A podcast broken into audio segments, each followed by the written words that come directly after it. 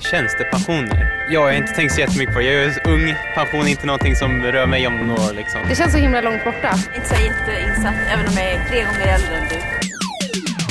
Det har vi inte lust att prata om nu. Tjänstepensionen är jätteviktig. Det här är Kalle och framtiden. Och den blir bara viktigare och viktigare. Jag sparar så pass mycket så att jag kan leva gött liksom. Det här är podden som ger dig koll på hur allt egentligen fungerar med pensioner. Under sex avsnitt kommer vi lära oss allt som är värt att veta om det här. Och jag säger vi för att jag, Kalle, visste absolut ingenting i det första avsnittet. Så vi lär oss tillsammans kan man säga. Men jag vet dock att jag vill sätta guldkant på tillvaron efter att jag slutat jobba och ha en riktigt fet pension. Då har jag också insett att pengar, ja det är ju en fördel då. Jag har en sisådär 40 år, kanske till och med lite mer, tills det är dags att börja plocka ut den. Men alla experter jag pratat med har sagt ju tidigare det börjar, desto bättre är det. Känns skönt också att inte behöva gå runt och oroa mig för hur det ska bli längre fram. Det är skönt. Det här avsnittet handlade om att samla och flytta dina pensionspengar. Det finns både för och nackdelar med detta. En av fördelarna det är att du får en bättre översikt och att du ser all din tjänstepension på ett och samma ställe. Men mer om det här senare.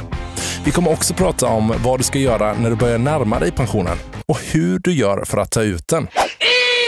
Men snälla Lovis vad du skriker. Sorry, alltså Ronjas morsa har tappat det. I alla fall, det finns en del grejer man behöver göra faktiskt. Har alla som närmar sig pensionen koll på det här? Eller hur ser det ut? Jag ringer upp en 60-plussare och kollar. Hej Kalle. Hej. Jag gick och tänkte på dig igår kväll. Jag måste ringa Kalle och höra inte gå egentligen för att få nya jobbet. Det här är min pappa Micke. Han är 62 år och är på väg att nosa på det här med pension. Pappa har jobbat och drivit ett företag sedan han var 18 år. Ett finsnickeri i Småland. Jag ringer pappa för att höra hur hans tankar går kring att gå i pension. Är han orolig? Ja, det måste jag. Jag vill ha koll på det.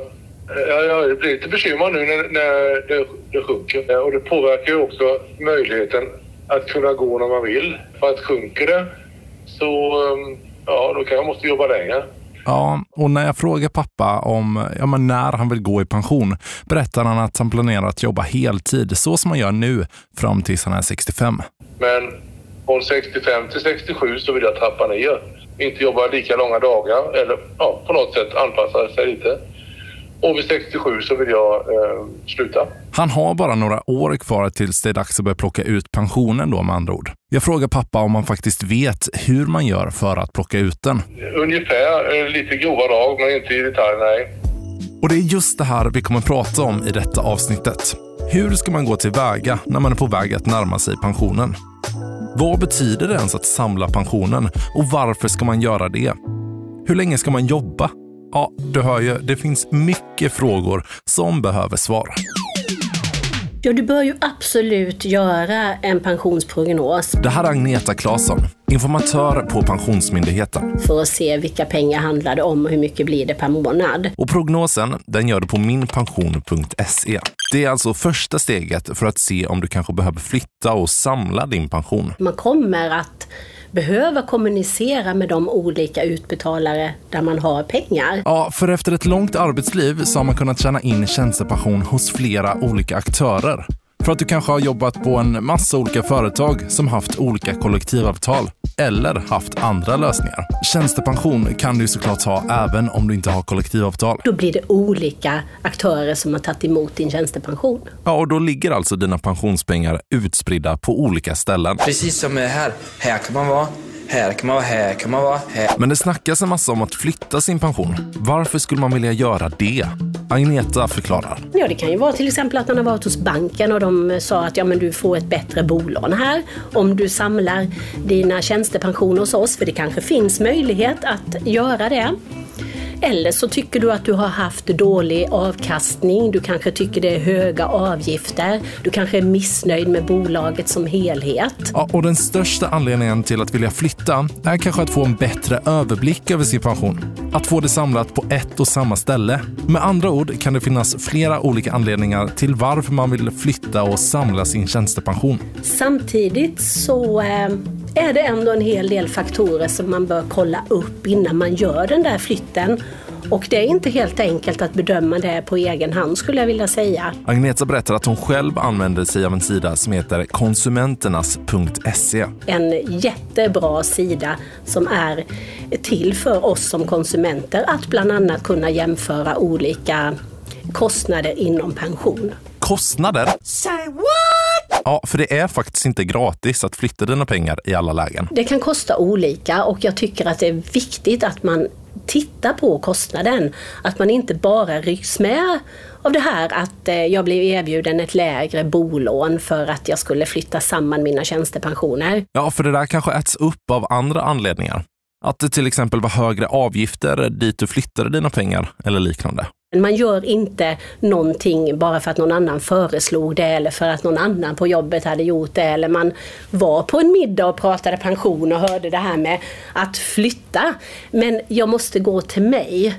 Du kan vara hur mycket expert och specialist som helst, men för att få den här övergripande bilden över vad flytt betyder så rekommenderar Agneta att du går in på konsumenternas.se. Och där kommer det också till att stå att du som då vill börja titta på din flytt du vänder dig till den här valcentralen som är för ditt eh, arbetsområde. Jaha, okej. Okay.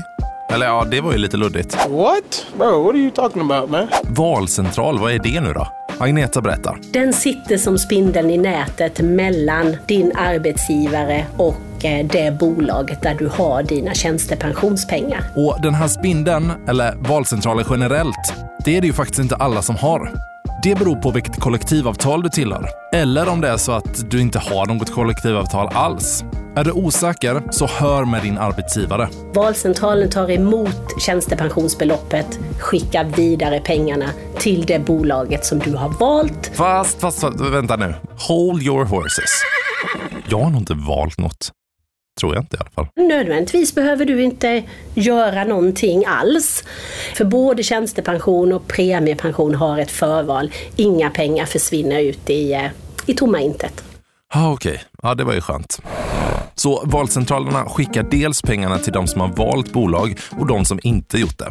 Och som vi pratade om i avsnitt tre så är det ju viktigt att du själv aktivt tar ställning till var du placerar din tjänstepension. Så om man vill göra ett val när brevet dimper ner i brevlådan, alltså välja vilket bolag man vill spara in tjänstepension hos, då menar Agneta att hon inte kan säga vilket som är bäst. Det här kommer mitt mantra alla dagar i veckan. Det är just det här med avgifterna. På Pensionsmyndigheten brukar de ha som riktmärke en avgift på 0,2 procent i global aktieindexfond. Då sprider man alltså riskerna. Pensionssparande, det är ju liksom ett långt sparande och pengarna ska vara kvar där även när du ska plocka ut dem. Då kommer det på 30 års tid, om du sätter in ett visst belopp, det där beloppet står där i alla de här 30 åren, avgiften är 0,2, kommer det att försvinna ungefär 6% i avgifter. Men om man då flyttar på kommatecknet då? och har en avgift på 2,0 istället. Då kommer det under 30 år kunna försvinna över 45 procent bara i avgifter. Oh my god, insane! Förutsatt då att avkastningen är 0% alltså att pengarna inte har vuxit. Galet mycket pengar. Och de ska ut vare sig det gick plus eller minus. Så man kan alla dagar i veckan argumentera emot det här att avkastningen är det viktigaste. För den vet vi inte.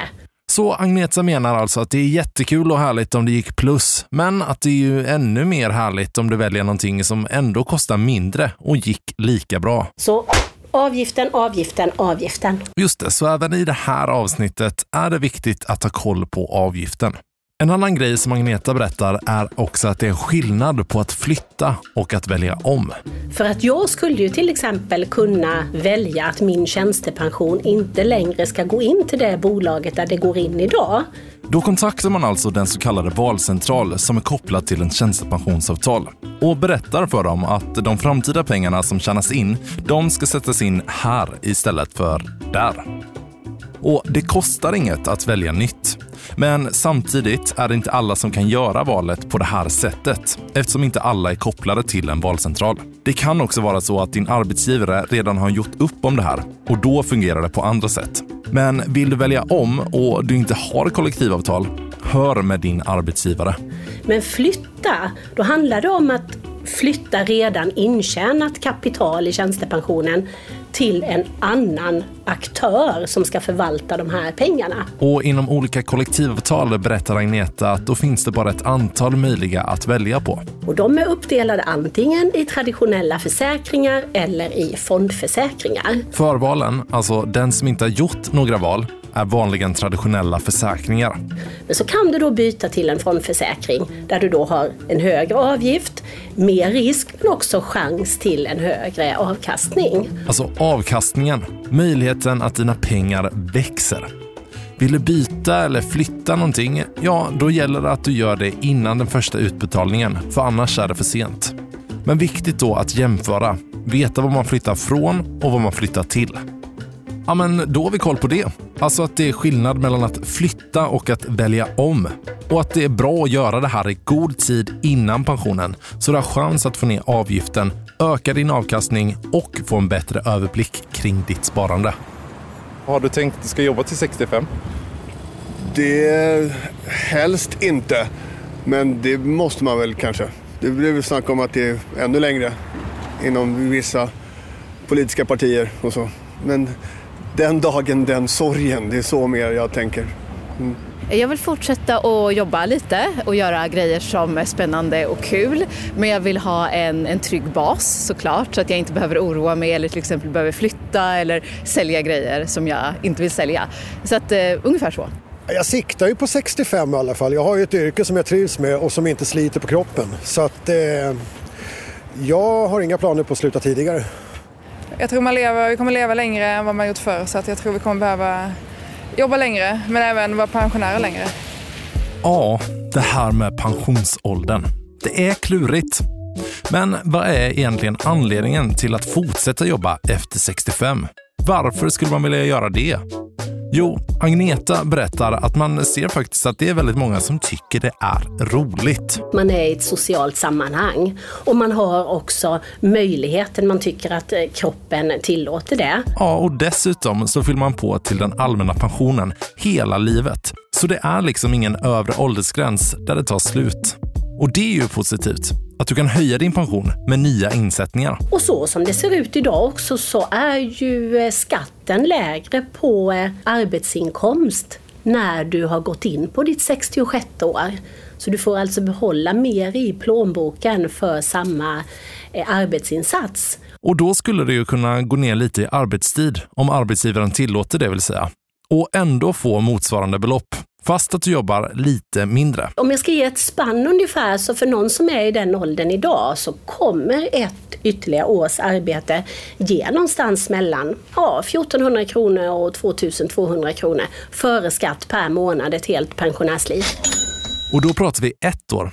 Det kan ju vara så att man jobbar vidare ytterligare något år efter det. Agneta berättar att den lagstadgade rätten att arbeta 2022 är 68 år. Och för 2023 är klubban redan slagen i bordet. Att det är 69 år som gäller. Du behöver ju inte på något sätt eh, säga till din arbetsgivare eller be om lov att ja, men nu vill jag jobba kvar. Jag tänker inte gå hem nu när jag är 65. Så det ligger alltså på en själv att bestämma när man vill gå i pension? Nu vill jag ju inte sänka den trevliga stämningen som vi har här. Det kan mycket väl vara så att den lagstadgade rätten att arbeta den är både ett och två år ytterligare när väl du är där. Jaha, va? Vänta, det var tråkigt. Ska man behöva jobba långt efter 65 alltså? Typ efter 90? Nej, fy. Undrar hur det blir framöver egentligen. Grattis Kalle! Ja, guldklockan har du ju fått för länge sedan. Att du fortfarande jobbar och står i. Ingen har ju någonsin jobbat på företaget så här länge. Inte ens en gång vdn. Det är otroligt att du orkar. En applåd för Kalle allihopa! Ja tack. Tack, tack allihop. Vad fina ni är. nu har jag varit här väldigt länge. I över 60 år har jag jobbat. Och visst märker jag att de tassar omkring mig och behandlar mig som jag vore något riktigt antikt och skört. Men pensionen kan vänta. Jag kan inte bara sätta mig ner och ta det lugnt. Alla jag känner har visserligen gått i pension, men jag, jag ska fortsätta minsann. To the bitter end.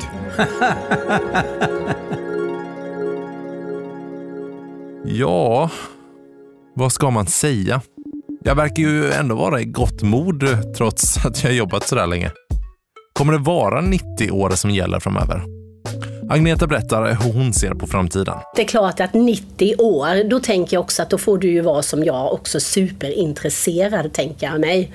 Men att vi pratar någonstans 70 eh, plus där är inte en eh, omöjlighet. Och det är ju också skillnad på den lagstadgade rätten att arbeta och att pensionsåldern, ja, den är ju ändå några år yngre, där man kan gå hem om man vill. Och allt det här, det har ju att göra med den ökade livslängden. Men hur är det då när man fyller 65? Börjar pengarna bara rulla in på kontot då eller? Nopp. Nej du. Det gör de inte.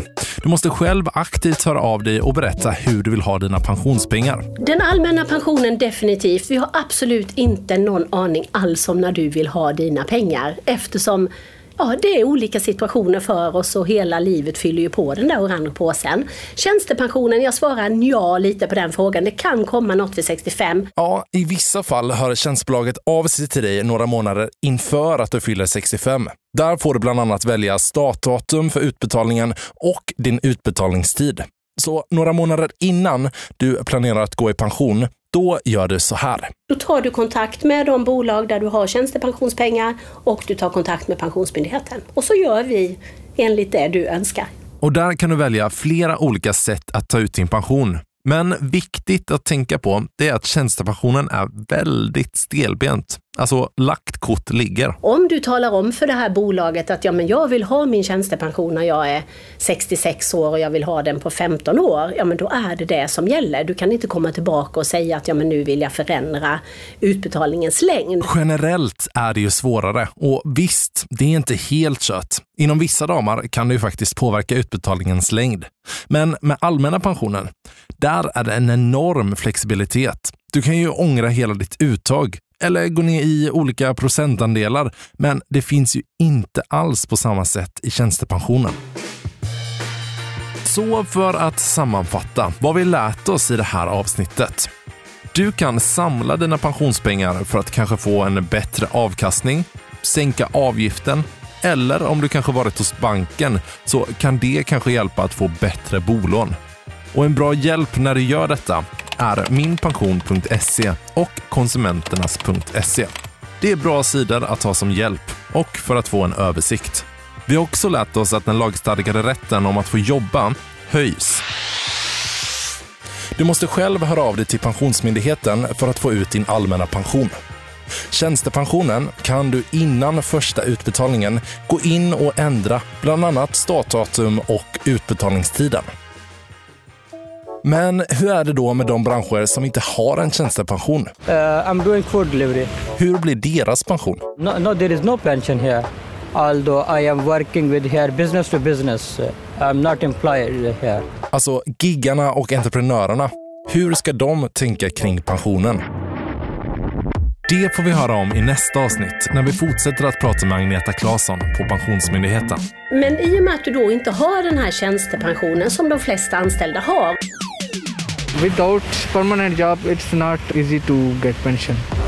Då har du ett större ansvar att tänka kring nu får jag in några pengar. Du har lyssnat på Kalle och framtiden, en podd om din framtida lön av SPP. Producerad av Monopol Media. Det är skönt.